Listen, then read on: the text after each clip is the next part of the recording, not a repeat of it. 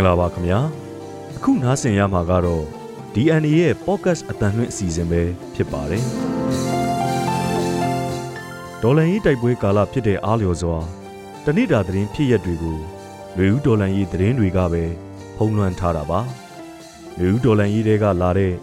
စစ်ရေးနိုင်ငံရေးသတင်းတွေအပြင်တဏိတာသတင်းဖြစ်ရက်တွေတဲ့ထူးခြားထင်ရှားတဲ့လူမှုဘဝစီးပွားရေးသတင်းတွေလည်းရှိနေတတ်ပါတယ် ယမန်နေ့မက်လာတရက်တနေ့တာသတင်းဖြစ်ရက်တွေတဲကထူးခြားထင်ရှားတဲ့သတင်းဖြစ်ရက်တွေကိုကျွန်တော်မောင်သိန်းနဲ့အတူကျမနန်းခမ်းကစူစီတင်ဆက်ပေးသွားမှာပါ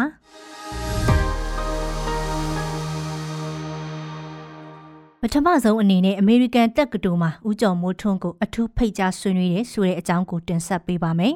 ။အမေရိကန်နိုင်ငံနယူးယောက်မြို့ကကိုလံဘီယာတက္ကသိုလ်တခြားကောလိပ်က တန်အမတ်ကြီးဦးကျော်မိုးထွန်းကိုအထူးဖိတ်ကြားပြီးမြမအရေးဆွေးနွေးပွဲကိုမနေ့ကမတ်လ၁ရက်နေ့မှာပြုလုပ်ခဲ့တယ်လို့သိရပါဗျ။အဲ့ဒီဆွေးနွေးပွဲကိုကိုလံဘီယာတက္ကသိုလ်တခြားကောလိပ်ကပါမောက်ခတွေဘာရကူပွဲ့ယူမဲ့ចောင်းသားတွေမာစတာပွဲ့ယူမဲ့ចောင်းသားတွေလည်းတက်ရောက်ခဲ့ကြပါတယ်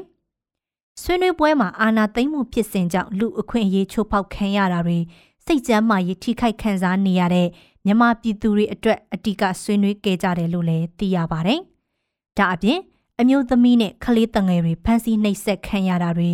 ငတ်မွတ်ခေါင်းပါမှုဖြစ်စဉ်တွေပြန်လည်ထူထောင်ရေးစစ်ပြေးဒုက္ခတွေတွေအရေးလူသားချင်းစာနာမှုဆိုင်ရာကိစ္စတွေကိုလည်းပါဝင်တယ်လို့ဆိုပါတယ်။ဦးကျော်မိုးထွန်းဟာစစ်အာဏာသိမ်းတာကိုစန့်ကျင်ခဲ့တဲ့တန်တမန်တဦးဖြစ်ပြီးလက်ရှိမှာအမျိုးသားညွညွရေးအစိုးရ NUG ရဲ့မြန်မာနိုင်ငံဆိုင်ရာကုလသမဂ္ဂအမြဲတမ်းကိုယ်စားလှယ်လည်းဖြစ်ပါတယ်။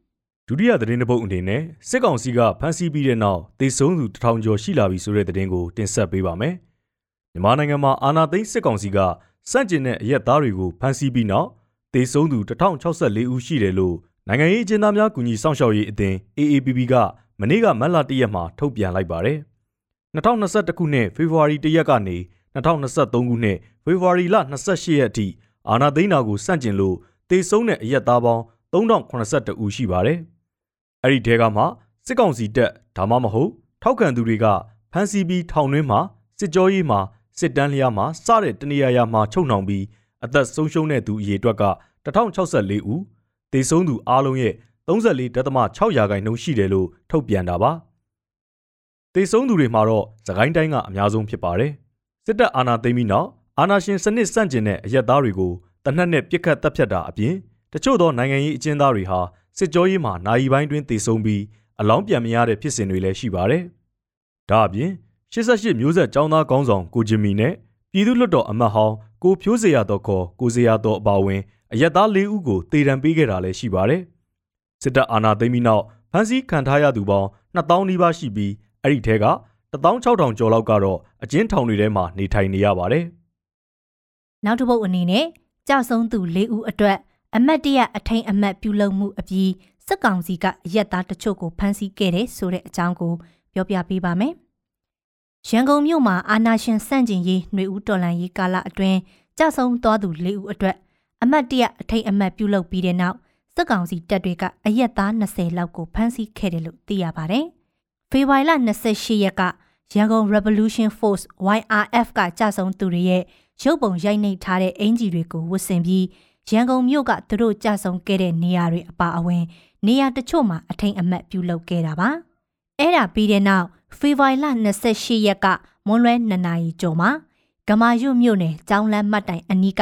အာထကငါအနီးကျောင်းရှိကိုစစ်ကောင်စီတပ်တွေရောက်လာပြီး CCTV ကင်မရာတွေကိုစစ်ဆေးခဲ့တယ်လို့လမ်းသွားလမ်းလာတွေကိုလည်းစစ်ဆေးခဲ့တယ်လို့ဆိုပါတယ်။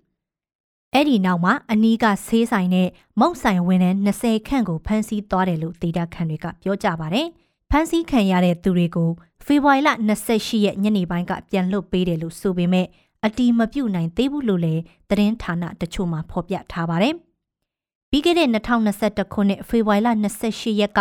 စစ်ကောင်စီတပ်တွေကအကြမ်းဖက်ဖြိုခွင်းတာကြောင့်ကမာရွတ်လဲတန်းလမ်းမမှာကိုညီညီအောင်ထက်နိုင်တဲ့ကိုစင်လင်းထက်တို့ကြဆုံးခဲ့တာဖြစ်ပါတယ်။ နောက်ထပ်သတင်းတစ်ပုဒ်အနေနဲ့တနက်အတုနဲ့စီဗီဘန်ကိုဓမြတိုက်ဖို့ကြိုးစားတဲ့ကလေးငယ်နှစ်ဦးကြောင်းပြောပြပါမယ်။ရန်ကုန်မြို့ပဇွန်တောင်မြို့နယ်အောက်ပဇွန်တောင်လမ်းကစီဗီဘန်ကိုမနေ့ကလူငယ်နှစ်ဦးဓမြတိုက်ဖို့ကြိုးစားပေမဲ့ဖမ်းဆီးရမိပြီးပဇွန်တောင်ရဲစခန်းမှာအမှုဖွင့်ထားတယ်လို့သိရပါဗျပဇွန်တောင်မြို့နယ်မှာနေထိုင်တဲ့အသက်14နှစ်နဲ့15နှစ်အရွယ်လူငယ်2ဦးဟာတနက်အတုနဲ့ဓမြောင်တလက်သုံးပြီးဓမြတိုက်ဖို့ကြိုးစားခဲ့တာပါ။ဒါပေမဲ့ဗန်မာရောက်နေတဲ့အရက်သားတဦးက တနက်အတုမှန်တိသွားပြီးလုံထွေးတပ်ပုတ်ရင်းကနေဗန်လုံကြုံရေးတွေကပါဝိုင်းဝန်းဖမ်းဆီးခဲ့တာလို့သိရပါတယ်။အဲ့လိုဖမ်းဆီးပြီးဗန်တောင်ဝင်ရှိသူတွေကစစ်တပ်နဲ့ရဲကိုခေါ်တဲ့အတွက်ရောက်လာပြီးဖမ်းဆီးသွားကပဇွန်တောင်ရဲစခန်းမှာအမှုဖွင့်ထားတာပါ။အဲ့ဒီလူငယ်တွေကိုလက်တလောမှာဓမြမှုနဲ့အမှုဖွင့်ထားတယ်လို့ဆိုပါတယ်။ဆရာနာသိမ်းပြီးနှစ်နှစ်အတွင်းရန်ကုန်မြို့ကဗန်တွေနိုင်ငံခြားငွေလဲလှယ်ဌာနတွေအပါအဝင် နေရအနှံ့မှာဓမြတိုက်တာလူရက်တာလူသက်မှုတွေမကြာခဏဖြစ်ပွားနေပါတယ်။ ရန်ကုန်မှာစစ်ပြေးနဲ့ရဲပြေးတွေကိုစစ်ကောင်စီလိုက်ဖမ်းနေတယ်ဆိုတဲ့အကြောင်းကိုတင်ဆက်ပေးပါမယ်။ရန်ကုန်မြို့မှာစစ်ပြေးနဲ့ရဲပြေးတွေကိုစစ်ကောင်စီတပ်နဲ့ရဲတွေကလိုက်လံဖမ်းဆီးနေတယ်လို့ဖမ်းဆီးခံရတဲ့မိသားစုဝင်တွေနဲ့နှိစက်တဲ့သူတွေစီကသိရပါတယ်။အဲ့ဒီလိုဖမ်းဆီးရမှာ2021ခုနှစ်ဖေဖော်ဝါရီလ1ရက်ကစစ်တပ်ကအာဏာမသိမ်းခင်ကထွက်ပြေးတဲ့စစ်ပြေးနဲ့ရဲပြေးတွေပါအကျုံးဝင်နေတယ်လို့လည်းဆိုပါတယ်။ ပြီးခဲ့တဲ့ဖေဖော်ဝါရီလ28ရက်ကလည်းလွန်ခဲ့တဲ့3နှစ်လောက်ကစစ်ပြေးတဦးဖြစ်ပြီးလက်ရှိစိုက်ကားနင်းနေတဲ့သူတဦးကိုစစ်ကောင်စီတပ်ကဖမ်းဆီးသွားတယ်လို့ဒေတာခန်တွေကပြောပါတယ်။ဒါအပြင်တချို့ဖြစ်ရက်တွေမှာသူတို့ဖမ်းဆီးခြင်းနဲ့စစ်ပြေးဒါမှမဟုတ်ရဲပြေးကိုမမိရင်မိသားစုကိုတစားခံလုပ်ပြီးဖမ်းဆီးတာရှိတယ်လို့လည်းဆိုပါတယ်။လက်ရှိအနေနဲ့စစ်ကောင်စီဟာစစ်ပြေးရဲပြေးတွေကိုဖမ်းဆီးပြီးစစ်မှုပြန်လည်ထမ်းဆောင်စေတာမျိုးတွေလည်းပြုလုပ်နေတယ်လို့သိရပါတယ်။ အဲ့ဒီလိုစစ်မှုမထမ်းဆောင်ခြင်းတဲ့သူတွေကိုတော့စစ်ပြေးမှုအမိတ်မနာခံမှုစတဲ့စစ်ဥပဒေတွေနဲ့အရေးယူတာတွေလည်းရှိတယ်လို့ဆိုပါတယ်။စစ်အာဏာသိမ်းမှုကိုနိုင်ငံအနှံ့အပြားမှာလက်နက်ကင်ဆန့်ကျင်တာကြောင့်အင်အားနှဲပါလာတဲ့စစ်ကောင်စီဟာစစ်မှုထမ်းဟောင်းတွေစစ်တပ်ထောက်ခံသူတွေကိုလက်နက်တပ်ဆင်ပေးနေတာတွေလည်းရှိနေပါတယ်။နောက်ထပ်သတင်းတစ်ပုဒ်အနေနဲ့ရွှေပြည်သာကအထည်ချုပ်စက်ရုံနှစ်ရုံပိတ်လို့အလုသမားထောင်ချီအလုလက်မဲ့ဖြစ်နေတဲ့အကြောင်းကိုပြောပြပါမယ်။ ရန်ကုန်တိုင်းရွှေပြည်သာမြို့နယ်ဝါတီယာစက်မှုဆောင်ကအထည်ချုပ်စက်ရုံနှစ်ရုံပိတ်လို့အလုသမား2000ကျော်အလုလက်မဲ့ဖြစ်ခဲ့ရတယ်လို့အလုသမားရေးကူညီဆောင်ရွက်ပေးနေသူတွေကဆိုပါတယ်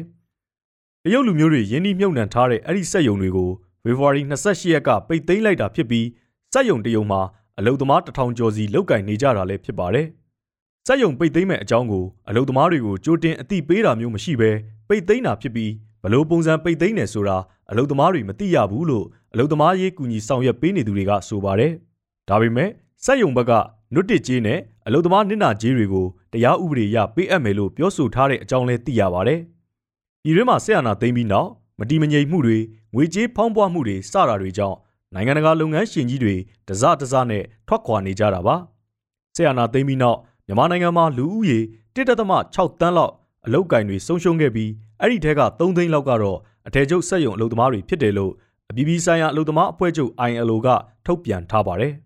။နောက်ဆုံးတစ်ပုတ်အနေနဲ့နှစ်နှစ်အတွင်းစစ်ကောင်စီလက်ချက်နဲ့ကျန်းမာရေးဝန်ထမ်း80ခန့်သေဆုံးနေဆိုတဲ့အကြောင်းကိုပြောပြပေးပါမယ်။စစ်အာဏာသိမ်းကာလနှစ်နှစ်အတွင်းစစ်ကောင်စီလက်ချက်နဲ့ကျန်းမာရေးဝန်ထမ်းပေါင်း80ခန့်သေဆုံးခဲ့တယ်လို့အမျိုးသားညီညွတ်ရေးအစိုးရကျန်းမာရေးဝန်ကြီးဌာနကဖေဖော်ဝါရီလ28ရက်ကထုတ်ပြန်ပါတယ်။စစ်ကောင်စီဟာကျမ်းမာရေးဝန်ထမ်းပေါင်း900ခန့်ကိုဖမ်းဆီးထားပြီး 980ကျော်ထိခိုက်ဒဏ်ရာရခဲ့တယ်လို့လည်းအဲ့ဒီထုတ်ပြန်ချက်မှာဖော်ပြထားပါတယ်။မြန်မာနိုင်ငံမှာကျမ်းမာရေးဝန်ထမ်းပေါင်းတသိန်းကျော်ရှိတဲ့အနက်က CDM လှုပ်ရှားမှုမှာပါဝင်တဲ့သူပေါင်း4800ကျော်ရှိပါတယ်။စစ်ကောင်စီဟာ CDM လှုပ်ရှားမှုမှာပါတဲ့ကျမ်းမာရေးဝန်ထမ်းတွေကိုနိုင်ငံခြားမှာကြောင်းဆက်တက်ခွင့်မပေးတာလေးစိတ်မှာဖမ်းဆီးတာအစိုးရမဟုတ်တဲ့ဆေးရုံတွေမှာလောက်ကန်ရင်တောင်ဖမ်းဆီးတာဆေးရုံတွေကိုလိုင်စင်ပိတ်သိမ်းတာတွေလှုပ်ဆောင်နေတာပါ မကြသေးခင်ကလည်းစက်ကောင်စီတပ်တွေဟာအုပ်ဖို့မြို့နယ်အေးမြတာယာတိုက်နယ်ဆေးရုံက CDM တူနာပြုဆီယာမတော်မေဇွန်မိုးကိုဖမ်းဆီးပြီးစစ်ကြောရေးမှာနှိပ်စက်တဲ့အပြင်မရင်းကျင်တပ်ပြတ်ခဲ့တဲ့ဖြစ်စဉ်လည်းဖြစ်ပွားခဲ့ပါတယ်။စက်ကောင်စီဟာစကိုင်းတိုင်းအပါအဝင်နိုင်ငံတွင်းကဆေးရုံကျန်းမာရေးဆေးပေးခန်းစတဲ့နေရာတွေကိုလည်းလေကြောင်းကတိုက်ခိုက်မှုတွေပြုလုပ်နေသလိုဆေးနဲ့ဆေးပစ္စည်းတွေကိုဖျက်ဆီးမှုတွေလည်းရှိနေပါတယ်။ အမျိုးသားညီညွတ်ရေးအစိုးရကျန်းမာရေးဝန်ကြီးဌာနကစစ်ကောင်စီတပ်ဖြတ်ခဲ့တဲ့ကျန်းမာရေးလှုပ်သားတော်လန်ရေးရဲဘော်တွေအပြစ်မဲ့ပြည်သူတွေရဲ့မိသားစုတွေနဲ့ထပ်တူကြေကွဲဝမ်းနည်းရကြောင်းနဲ့တရားမျှတမှုကိုမဖြစ်မနေပြန်လည်ရယူပေးမယ်လို့ဆိုထားပါတယ်။ဆက်လက်ပြီးတော့နိုင်ငံတကာသတင်းအစီအစဉ်ကိုကိုမောင်သိန်းကနေပြီးတော့တင်ဆက်ပေးပါမယ်။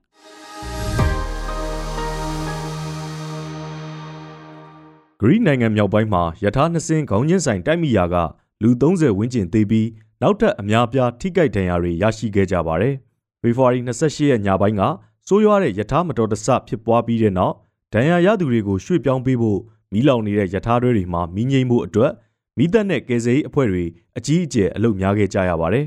။မလတရက်မနက်ပိုင်းထိအခြေအနေအရအသေးပြောက်ဥယေက29ဦးထိရှိနေပြီလို့ကယ်ဆယ်ရေးတွေကဆိုပါတယ်။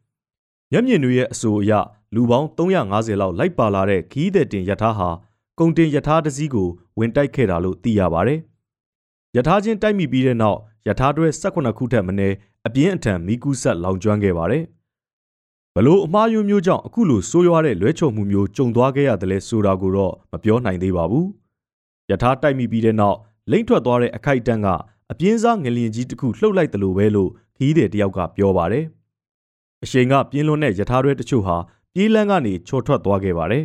။ခီးတဲ့တင်ယထာဟာတက်ဆူလော်နီကီနဲ့လာရစ်စာဒေသတွေကြားမှာပြေးဆွဲနေခဲ့တာပါ။ခီးတဲ့တင်ယထာကိုတာဝန်ယူပြေးဆွဲတဲ့ Hellenic Train Company ကယထာနှစ်စီးဟာမျက်နှာချင်းဆိုင်အရက်ကနေခေါင်းချင်းဆိုင်တိုက်မိတယ်လို့အတီးပြုကြေညာထားပါတယ်။ယထာတိုက်မှုနဲ့ပတ်သက်လို့နောက်ဆက်တွဲစုံစမ်းစစ်ဆေးမှုတွေကိုဆက်လက်လှုပ်ဆောင်နေဆဲဖြစ်ပါတယ်။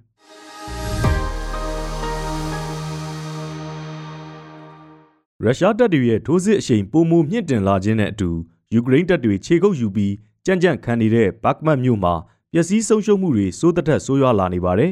။ရုရှားတပ်တွေဟာဒွန်ဘတ်ပြည်နယ်မှာရှိတဲ့တပ်ထုတွင်လုပ်ငန်းထွန်းကားရာမြို့ကိုသတင်းပတ်ပေါင်းအတော်များများကြားတဲ့အထိထိုးစစ်ဆင်နေပြီးမြို့ရဲ့အဝင်ထွက်အားလုံးကိုပိတ်ဆို့ဝန်းရံနိုင်ဖို့ကြိုးစားနေပါတယ်။အဲဒီမြို့ဟာယူကရိန်းအရှေ့ပြားဒေသတွေကိုပေါင်းကူးဆက်သွယ်ရမှာအရေးပါတဲ့အချက်ချာနေမြေတစ်ခုဖြစ်ပါတယ်။ ရုရှားဘက်ကစစ်ရေးအရှိန်မြင့်တင်လာပြီးမြို့ရဲ့နေရာအနှံ့မှာမီးဟုံးဟုံးတောက်လောင်အောင်ပျက်စီးနေတဲ့တိုင်ယူကရိန်းကာကွယ်ရေးတပ်တွေဟာဘတ်ကမန်မြို့ကိုမစွန့်ခွာဘဲဆက်လက်ခုခံဖို့စိတ်ပိုင်းဖြတ်ထားကြပါတယ်။မြို့ထဲမှာရှိတဲ့စေးတပ်သားတယောက်ကနောက်ဆုံးအချိန်ထိမြို့ကိုကာကွယ်ဖို့သူတို့အားလုံးကတိပြုထားကြကြောင်းယူကရိန်းနိုင်ငံအောင်မြင်ပြီးရန်သူတွေကြာဆုံးစေမှာဖြစ်ကြောင်းပြောပါတယ်။မြို့တဝိုက်မှာတော့ရုရှားစစ်တပ်နဲ့ရုရှားကြေးစားတပ်ဖြစ်တဲ့ဝါကနာကတိုက်ခိုက်ရေးသမားတွေဟာ ယူကရိန်းစစ်သည်တွေရဲ့ထောက်ပံ့ရေးလမ်းကြောင်းတွေကိုဖျက်တောက်ပြီးအညံ့ခံအောင်ဒါမှမဟုတ်ထွက်ပြေးအောင်ဖိအားပေးဖို့ကြိုးစားနေပါတယ်။တနှစ်ကျော်ကြာမြင့်လာတဲ့စစ်ပွဲအတွင်းလွန်ခဲ့တဲ့6လတာကာလတစ်လျှောက်ရုရှားဟာထိန်းချုပ်နယ်မြေအများအပြားကိုပြန်လည်လက်လွတ်ခဲ့ရတာကြောင့်ဘတ်မတ်ကိုသိမ်းယူနိုင်ခြင်းဟာစိတ်သက်ရေးရာတွန်းအားတစ်ခုလည်းဖြစ်လာနိုင်ပါတယ်။ရုရှားဟာယူကရိန်းကပြည်내၄ခုကိုပိုင်နက်နယ်မြေအဖြစ်သွတ်သွင်းကြေညာထားပြီးအဲ့ဒီထဲမှာဘတ်မန်ကတော့ ဒွန်ဘတ်ပြည်နယ်မှာရှိတဲ့ယူကရိန်းလက်အောက်ခံနောက်ဆုံးလက်ကျန်မြို့ပြဧရိယာဖြစ်ပါတယ်။လူဦးရေ9000လောက်နေထိုင်ခဲ့မှုတဲ့မြို့ဟာရုရှားရဲ့အဆက်မပြတ်လက်နက်ကြီးပစ်ခတ်မှုတွေကြောင့်အခုတော့ဆိုးဆိုးရွားရွားပျက်စီးနေပါပြီ။နေတိုင်းလိုလိုတိုက်ပွဲတွေပြင်းထန်နေတဲ့အတိုင်းအရက်သားတချို့ကတော့မြို့ကိုဖတ်တွယ်ပြီးနေထိုင်နေကြဆဲပါ။အမေရိကန်စစ်ထောက်လှမ်းရေးကတော့ဘက်ကမတ်နားမှာတိုက်ပွဲတွေပြင်းထန်နေတဲ့တိုင်အောင်ရုရှားတပ်တွေဟာအချိန်တိုအတွင်းတည်တည်သားသားအောင်ပွဲတွေရလာမဲ့ အလားအလာမရှိဘူးလို့မှတ်ချက်ပေးထားပါတယ်။ Kiev မြို့တော်မှာရှိတဲ့ယူကရိန်းအစိုးရကလည်းဘတ်မန်ကခုခံရေးတပ်တွေစီကိုစစ်လက်နက်နဲ့ခဲယမ်းမီးကျောက်တွေအရှိန်အဟုန်မြင့်ဖြည့်တင်းပို့ဆောင်နိုင်ရေးအတွက်အစွမ်းကုန်စူးစမ်းနေစေဖြစ်ပါတယ်။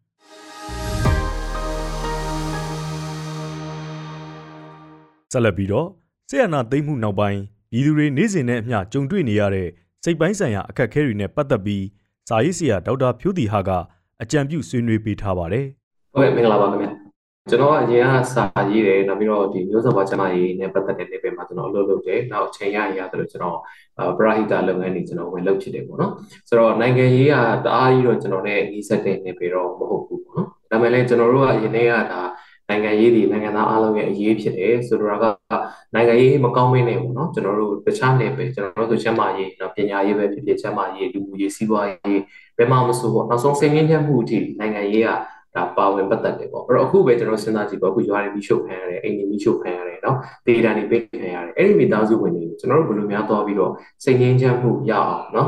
positive vibe ထားပါတော့ဘယ်လိုသွားပြောမလဲเนาะဘာလို့ဆိုကိုယ့်အိမ်ပြီးမိတဲ့ပါဝါမြင်နေတဲ့အချိန်မှာဘူးမှစိတ်အေးချမ်းမှုကိုကျွန်တော်ထားနိုင်ဖို့ဆိုမလွယ်ဘူးเนาะဆိုတော့ကနိုင်ငံရေးစနစ်ကအထိုက်လျောက်ကောင်းတော့မှာပဲเนาะကျွန်တော်စိတ်ပိုင်းဆိုင်ရာဆိုတာလည်းဒါအဆင်ပြေတယ်ဆိုတော့ပြောချင်တာနေပယ်အသီးသီးမှာဒီနိုင်ငံရေးက အများကြီးပတ်သက်ဆက်ဆက်အဲကျွန်တော်ပထမဆုံးရှင်းပြလိုတာကဒီ positive attitude ပေါ့နော်အပြုသဘောဆောင်တဲ့အတွေးဆိုတာကဘာကိုခေါ်တာလဲပေါ့နော်အဲ့တော့တချို့ဆိုပြောကြတာရှိတယ်ဥပမာဆိုရင်အာစူးစားတယ်ပေါ့နော်ပတ်စံကြီးရှာတယ်ဆိုရင်အဲလုံနေပါနဲ့မင်းတို့သေရင်လည်းဒါတွေကထားခဲ့ရတာပဲဘာမှမတည်မြဲတာမဟုတ်တာဆိုဒါက positive attitude မဟုတ်ဒါပြင်းတာပေါ့နော်ကိုလောက်ရမယ်ကိုယ့်ရဲ့စူးစားအထောက်မှုမလုပ်ဘဲနဲ့ဒါကပြင်းရှိမှုကိုဒါက ဟို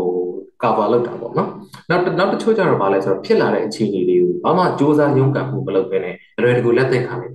ဥပမာဆိုအခုဒါဆက်အနာရှင်ဆက်အနာသိမ်းတယ်လို့ပြောပေါ့နော်။တော့အနာသိမ်းလိုက်တယ်။အိုးဘယ်သူဘယ်ဆိုရတက်တက်ပေါ့ကိုလုံးမကူစားဖြစ်ချင်ဖြစ်စီဆိုပြီးတော့တွေးတဲ့အတွေးကြတော့လေဒါ positive thinking မဟုတ်ဘူးပေါ့။အဲ့ positive thinking တော့ဘာလဲလို့မေးရင်ကျွန်တော်ဖြစ်လာတဲ့အခြေအနေကိုလက်ခံတယ်ပေါ့ accept လုပ်တယ်လက်ခံတယ်။အဲ့တော့ဘာလို့လက်ခံဖို့လို့လက်မခံမဲနဲ့ကျွန်တော်ကဒါကိုညှင်းဆိုနေရင် ဒီအခြေအနေတွေကိုကျွန်တော်ဘယ်လိုကြော်ဖြတ်ရမလဲဆိုရဲ solution ပေါ့ဖြေရှင်းမှုကထွက်မလာဆိုတော့လက်သင်ခံဖို့လို့ acceptance accept ပေါ့နော်လက်ခံပြီးတော့ move on ဘယ်လိုရှေ့ဆက်လဲအဲ့တော့အာနာသိမ့်လိုက်ပြီဆိုရင်ဒီကဆရာတွေရောကျွန်တော်တို့တွေရောဗီဒီယိုတွေရောနော်ကျွန်တော်တို့2021 January 31မှာအစီအစဉ်တွေရှိခဲ့ပြီ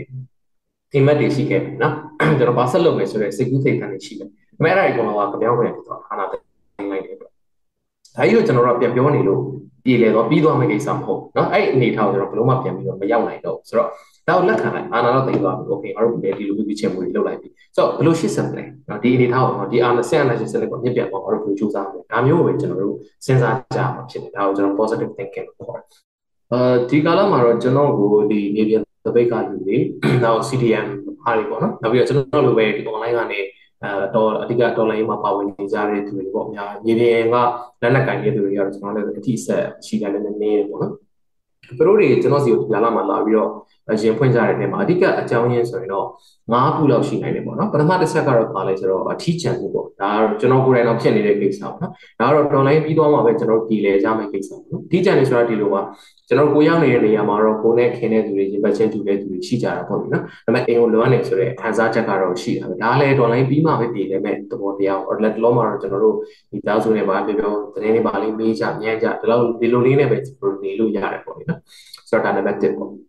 မနစ်ကတော့ကျွန်တော်ပါလဲဆိုရင်တော့လမ်းပြောက်တယ်ပေါ့နော်ကိုကိုအနာဂတ်ကြီးကပျောက်သွားလို့ခံစားရတယ်ဘယ်တော့မှဒါကြီးရပြီးနေမသိဘူးပေါ့ဆိုတော့ဒီ uncertainty လို့ခေါ်ရမကြီးရမသေးချာဖို့ကကျွန်တော်တို့ရဲ့စိတ်ဖိစီးမှုကိုတော်တော်ကြီးဒီကာလမှာဆိုတာအဆိုးဆုံးဖြစ်စေတာပေါ့နော်ဥပမာကျွန်တော်တို့ထားပါတော့တချို့နိုင်ငံခြားမှာအလုပ်ပါလုပ်တယ်ဆိုရင်ရှက်လာလှလို့ပြီးအိမ်ပြန်ရမယ်ဆိုတော့သိတယ်အဲ့ရှက်လာကိုကအိမ်နဲ့တော့ခွဲရမယ်သိထားတယ်အခုကရှက်လာနေပြန်ရပြန်ရမှာလားတနေ့နေပြန်ရမှာလားကို